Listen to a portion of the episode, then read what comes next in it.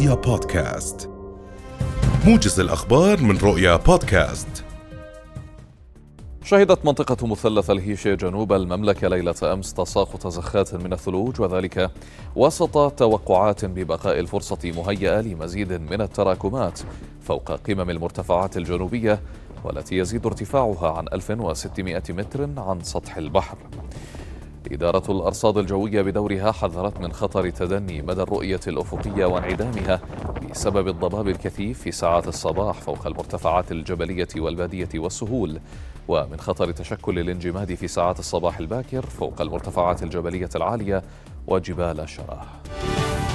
تعاملت الفرق المتخصصة في مديرية الأمن العام في الأقاليم ومديرية الدفاع المدني تساندها قوات الدرك مع العديد من البلاغات والحوادث خلال الساعات الماضية قدمت خلالها المساعدة للمواطنين في مختلف المناطق.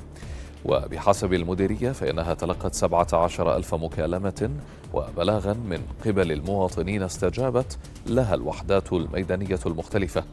كما تعاملت مع 13 حالة مداهمة مياه لمنازل في بعض المحافظات وتم تأمين. ومساعدة 87 شخصا حاصرتهم مياه الأمطار في منازلهم أو في حافلات نقل أو في مركباتهم الخاصة. وتم نقلهم إلى مناطق آمنة. يبحث مجلس النواب اليوم حالة النائب محمد عناد الفايز إلى لجنة السلوك التي ستنبثق عن اللجنة القانونية بحسب ما أفاد مراسل رؤية. وأضاف نقلا عن مصادر خاصة أن جلسة النواب اليوم ستكون مغلقة أمام الإعلام. ومن المقرر أن تناقش أيضا أو تناقش أيضا تداعيات الأحداث الأخيرة في معان وإضراب قطاع النقل.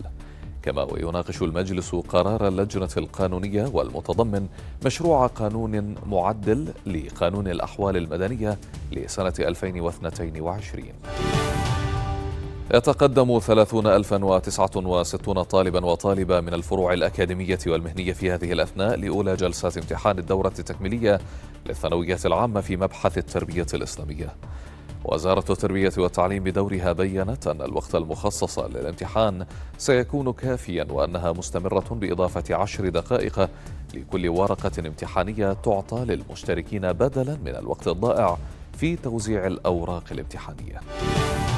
قال رئيس ديوان الخدمة المدنية سامح الناصر إن هناك تكدسا في طلبات التوظيف لدى الديوان خاصة التخصصات الأكاديمية غير المطلوبة في سوق العمل رغم المطالبات المتكررة بالتوجه نحو التخصصات التقنية والمهنية.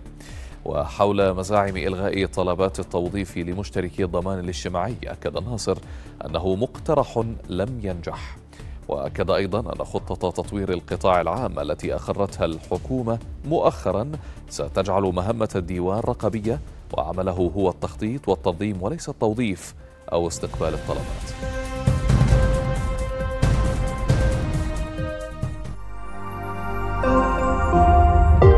رؤيا بودكاست.